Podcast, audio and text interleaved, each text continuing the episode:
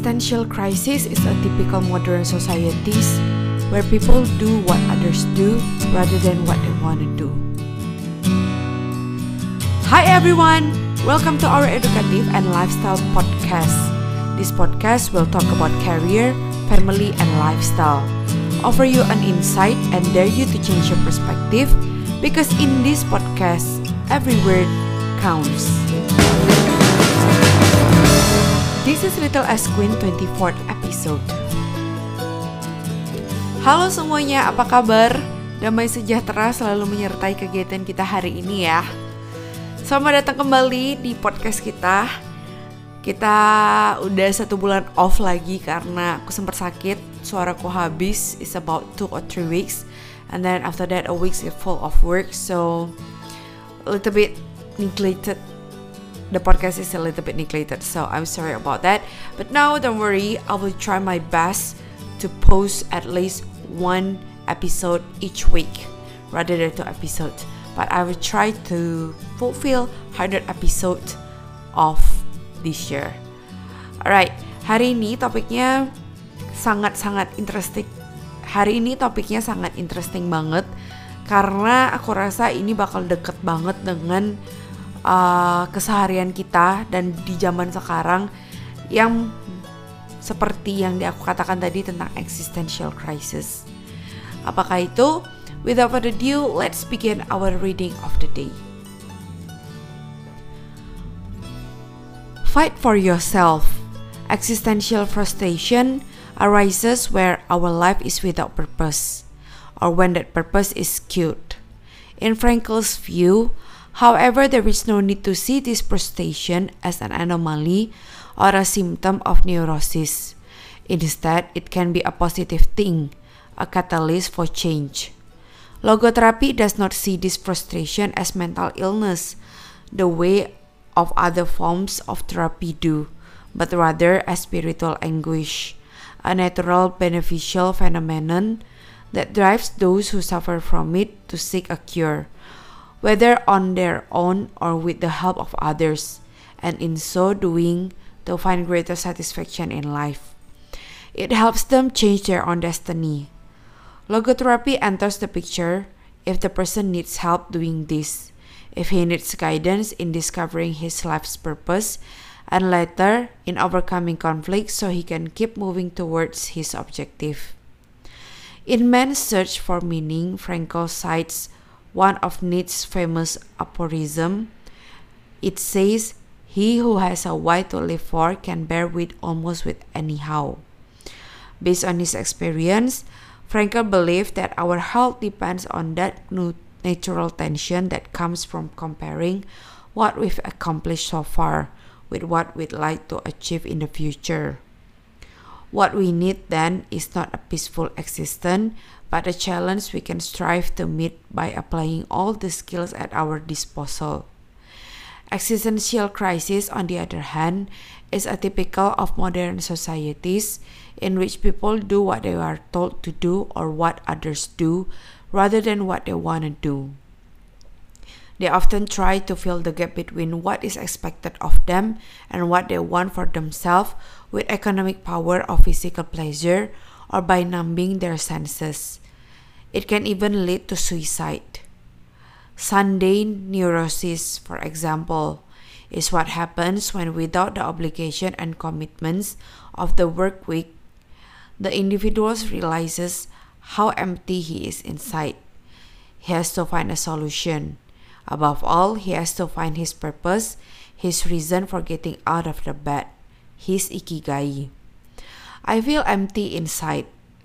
In a study conducted at the Vienna, at the Vienna Polyclinic Hospital, Frankel's team found that 55% of the patients they interviewed were experiencing some degree of existential crisis. According to logotherapy, discovering one's purpose in life helps an individual fill that existential void. Frankel, a man who faced his problem and turned his objectives into action, could look back on his life in peace as he grew old. He did not have to envy those still enjoying their youth because he had amassed a broad set of experiences that showed he had lived for something. Interesting enough untuk aku bahas tentang logoterapi, existential crisis, and Sunday neurosis. Karena aku karena aku pernah mengalami sendiri tentang existential crisis and Sunday neurosis. But I guess, but I guess it's all connected to one another. Berbicara mengenai tentang tujuan hidup itu sebenarnya berbicara tentang pilihan hidup karena hidup itu adalah pilihan. Sounds familiar with that with that kind of words? Yes, but it is true actually. Karena kalau dipikir-pikir ya teman-teman, jika kamu memilih hidup untuk mengabad, untuk mengabdikan diri bekerja dengan orang lain, itu juga sebenarnya sebuah pilihan. Sebenarnya kita dihadapkan dengan begitu banyak pilihan, mau bekerja dengan orang lain atau kita memilih untuk bekerja sendiri. Dan setiap pilihan itu ada resikonya.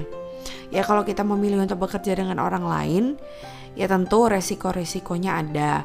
Contoh, mungkin gajinya tidak sesuai dengan ekspektasi kita atau misalnya kita mau gaji tinggi tapi hmm, kayaknya susah banget untuk achieve di sana.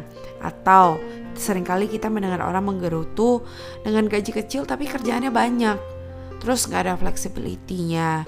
Terus kita harus berdamai dengan uncertainty. Karena kayaknya kalau hidup bekerja dengan orang lain, mengabdikan diri dengan orang lain, itu sebanyak banget uncertainty-nya gitu. Misalnya dengan keadaan ekonomi yang begitu, misalnya yang nggak ekonomi yang nggak nggak apa ya nggak stable mungkin bisa aja mempengaruhi keadaan eko dan keadaan ekonomi uh, perusahaan itu sendiri gitu. Aku ingat ketika aku masih bekerja full time di Singapura, aku ingat motivasi aku kerja di Singapura itu tuh semata-mata karena ingin tinggal di sini. Ingin tinggal di Singapura ingin membahagiakan orang tua aku. Karena papa aku itu pengen banget salah satu anaknya tinggal di Singapura. Karena saat itu cici aku masih di Malaysia dan adik aku masih sekolah di Malaysia. Dan uh, cici aku masih bekerja di uh, Malaysia juga. Jadi yang bekerja di Singapura itu cuma aku. Sedangkan cici aku mencoba bekerja di Singapura belum mendapatkan pekerjaan. Jadi ya mungkin saat itu aku bil aku bilang ke papa aku, "Eh, sudahlah Tuhan. Ya udahlah aku ingin full membahagiakan orang tua aku dengan aku bekerja di sini gitu." Jadi saat itu menunggu enam bulan mencari pekerjaan uh, untuk diterima di Singapura dan sebenarnya itu udah akhir-akhir bulan banget uh, aku memutuskan untuk ya sudahlah kalau memang tidak diterima ya sudah. Tapi ternyata aku menemukan pekerjaan satu di bulan-bulan terakhir itu.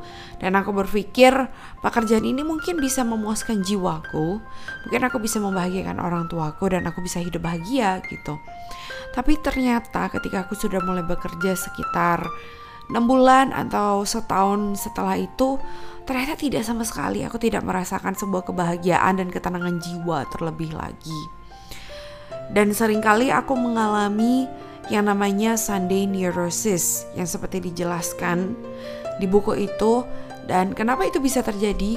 Karena tidak ada obligation dan commitment of the work with. The individual realizes how empty he is inside. Jadi aku merasakan sebuah kekosongan jiwa saat itu ketika aku bekerja karena rasa-rasanya setiap kali aku mau bekerja itu I have to drag my feet to the office which is not good habit right? Dan kenapa aku bisa seperti itu?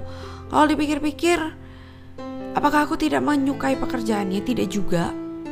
Pekerjaannya aku uh, kalau teman-teman punya mimpi masa kecil punya mimpi bekerja di office gitu dengan segala dengan segala keofisan dan trendinya saat masa kecil itu. Dan aku membayangkan sehari ini aku bekerja dengan mimpi masa kecilku itu.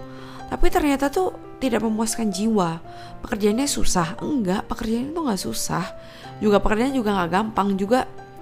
Tapi juga nggak susah gitu. Apakah lingkungan? Hmm, karena lingkungan saat itu kayaknya masih handleable. Uh, juga rasa-rasanya juga bukan lingkungan gitu. Tapi aku bertanya apa ya? gitu. Apa ya membuat aku rasanya setiap hari bekerja untuk dragging my feet? gitu. Dan setiap kali hari minggu sore datang itu tuh aku rasanya frustasi sekali. Dan aku merasa aduh aku nggak mau hari senin datang. Rasanya aku tuh stres banget gitu kalau hari minggu sore apalagi minggu malam rasanya aku nggak bisa tidur anxious gitu. Dan kayaknya panic disorder aku kambuh gitu setiap hari minggu malam mau tidur. Aku nggak bisa tidur gitu dan ini kejadiannya real banget. Nah apakah aku harus cari kerja hidup? Ah uh, sorry. Apakah aku harus mencari pekerjaan baru? Kayaknya itu bukan itu salah satu pilihan tapi tapi kalau misalnya aku berpikir kalau aku mencari kerjaan baru kayaknya I will be in the same loop gitu. Karena tujuan aku untuk mencari kerja itu apa kayaknya tujuan aku mencari kerja itu hanya untuk bertahan. Bertahan hidup gitu hidup segan mati tidak mau ya kan? Jadi bingung maunya apa. Nah sampai rasa-rasanya akhir-akhirnya setelah aku bekerja selama hampir 3-4 tahun ya hampir 3 atau 4 tahun dan akhirnya aku memutuskan untuk mundur dari pekerjaan itu karena satu absensi juga karena aku suka sakit-sakitan dan kayaknya tuh it's just not my job gitu. Dan akhirnya aku memilih untuk mundur gitu. Walaupun saat itu aku diberikan pilihan kepada company aku kamu off dulu selama sebulan atau tiga bulan nanti kembali lagi ke pekerjaan gitu. Uh, tapi menurut aku itu bukan opsi yang baik untuk aku dan juga opsi yang bukan opsi yang baik bagi perusahaan gitu. Karena deep down inside my heart I knew exactly that I want to do my own business gitu dan kebetulan saat itu ketika aku quit itu juga waktu aku mempersiapkan wedding aku gitu. Dan kayaknya uh, the timing is just right gitu. Jadi uh, apakah kita harus untuk memfulfill tujuan hidup kita? Apakah kita harus quit kerjaan full time kita? Nope itu tidak selalu the case. It's not always the case. Karena di buku sebelumnya tentang the why uh, why or should by Aluna itu dia menceritakan bahwa sebenarnya kita tidak perlu quit our job. Ya kalau misalnya kita butuh duit ya kita masih tetap bisa kerja full time job. Ya tapi kita harus bisa membagi-bagi waktu gitu. Dan dia dan sebenarnya Aluna di buku sebelumnya itu dia menceritakan tentang ide-ide apa saja yang bisa kita lakukan uh, untuk tetap kita memfulfill tujuan hidup kita tanpa kita harus uh, quit pekerjaan kita. Coba deh teman-teman cek di episode 8 kita pernah membahas itu dan uh, banyak sekali pendapat-pendapat baru yang menurut aku sangat fresh untuk dan sangat relevan di zaman sekarang gitu. Jadi cek di episode 8 untuk dengar nasihat-nasihat dari El Luna bagaimana beliau menjawab setiap keresahan kita uh, dengan panggilan hidup kita. Tapi teman-teman, untuk di take note, ini yang paling penting banget. Mau teman-teman bekerja dengan orang, mau teman-teman itu bekerja sendiri. Dua hal ini kita cuma membutuhkan satu, kita cuma butuh komitmen. Teman itu mau di pekerjaan, mau di hubungan, mau di panggilan hidup, itu semua butuh komitmen memperjuangkan diri kita itu butuh komitmen. Nggak mungkin nih satu hari ini kita memperjuangkan ya udah besok leha-leha besok nggak usah mikir besok datang sendiri deh. Nggak teman-teman nggak gitu cara kerjanya. Cara kerjanya tiap hari kita harus berusaha. Kita membutuhkan komitmen ya harus konsisten setiap harinya gitu. Kalau teman-teman diberikan kepercayaan oleh orang tua kita nih untuk mencari tujuan hidup tanpa harus bekerja full time. Misalnya kayak aku aku nggak perlu bekerja full time uh, untuk menghidupi aku karena uh, suami aku mempercayakan aku kepada diriku dan orang tuaku pun juga mempercayakan itu semua kepada aku selama itu membahagiakan kita. Nah, hal-hal seperti ini teman-teman, kepercayaan yang sudah dikasih oleh suamiku, kepercayaan yang sudah diberikan oleh orang tuaku, itu gak boleh disia-siakan. Kita harus menghargai dan pakai waktu itu dengan baik, sebaik-baiknya karena kita nggak pernah tahu pengorbanan apa saja yang sudah dilakukan oleh suamiku, pengorbanan yang sudah dilakukan oleh orang tuaku supaya kita bisa bahagia gitu, ya kan untuk menopang waktu-waktu tersebut. Memang betul banyak yang harus kita pikirkan, tapi ya kita nggak boleh terpaku di sana. Kita harus tetap keep going forward, believe that you have something special inside of you. Me myself, every day must believe in myself that I have something special to give that God have a gift for me to give everything to you. Tuhan mempunyai suatu rencana dalam kehidupanku uh, yang bisa aku bagi-bagikan ke teman-teman regardless any religion you are so just believe that God has something special for you So ini adalah nasihat-nasihat kalau teman-teman percaya tentang logo terapi mencari tujuan hidup untuk sebuah ketenangan dan mencari tujuan hidup untuk kita bisa setiap hari bangun dengan semangat yang baru uh, atau kita namakan itu ikigai sesuai dengan judul buku ini ini. There's a few idea how we get a better living through logotherapy. First remember that we don't create the meaning of our lives. Remember that we don't create the meaning of our lives. As Sartre claimed we discover it is actually we discover our meaning of life it's not that we create it is actually there, we just have to discover it. Second, we each have a unique reason for being, which can be adjusted or transformed many times over the years. As I as I said and as I mentioned before, setiap dari kita mempunyai value yang sangat unik. Jadi kita harus percaya itu dan itu bisa adjusted dan transform as we grow up. So itu nggak melulu di sana, tapi as we grow up, the unique reasons is also adjusted and transformed. The third, just as worry often brings out precisely the thing that was feared, excessive attention to a desire, or we call it hyperintention, can keep that desire from being fulfilled. Remember, ingat teman-teman, jangan rasa takut kita itu jangan melebihi dari apa pun. Karena kalau rasa takut kita nih, contoh simbol, aku dikasih modal 100 juta sama tem sama papaku. Aku tuh takut banget gitu bagaimana ya Tuhan ya? Bagaimana ini untuk membuat 100 juta ini menjadi sesuatu yang berharga gitu? Kalau rasa takut aku berlebihan banget itu akan menutup semua segala ide dan rencana yang sebenarnya sudah ada jadinya tertutup dan kita hanya terpaku sama rasa takut kita itu. Makanya tadi aku bilang memang banyak yang harus dipikirkan tapi kita nggak boleh terpaku di sana. Kita harus keep going forward. Di atas segala ketakutan itu kita harus berani berjalan ya. Terus keempat humor can help break negative cycles and reduce anxiety. Teman-teman relax humor bercanda ya walaupun itu krik-krik tetap aja itu bercanda ya tetap percaya bahwa kita tuh tetap lucu kok dalam keadaan apa pun oke yang terakhir We all have the capacity to do noble or terrible things. The side of the equation we end up on depends on our decision, not on the condition in which we find ourselves. Teman-teman, hidup itu adalah pilihan. Ingat ya, kita mau mau tuduh kindness or kita mau tuduh jahat, itu semua pilihan kita.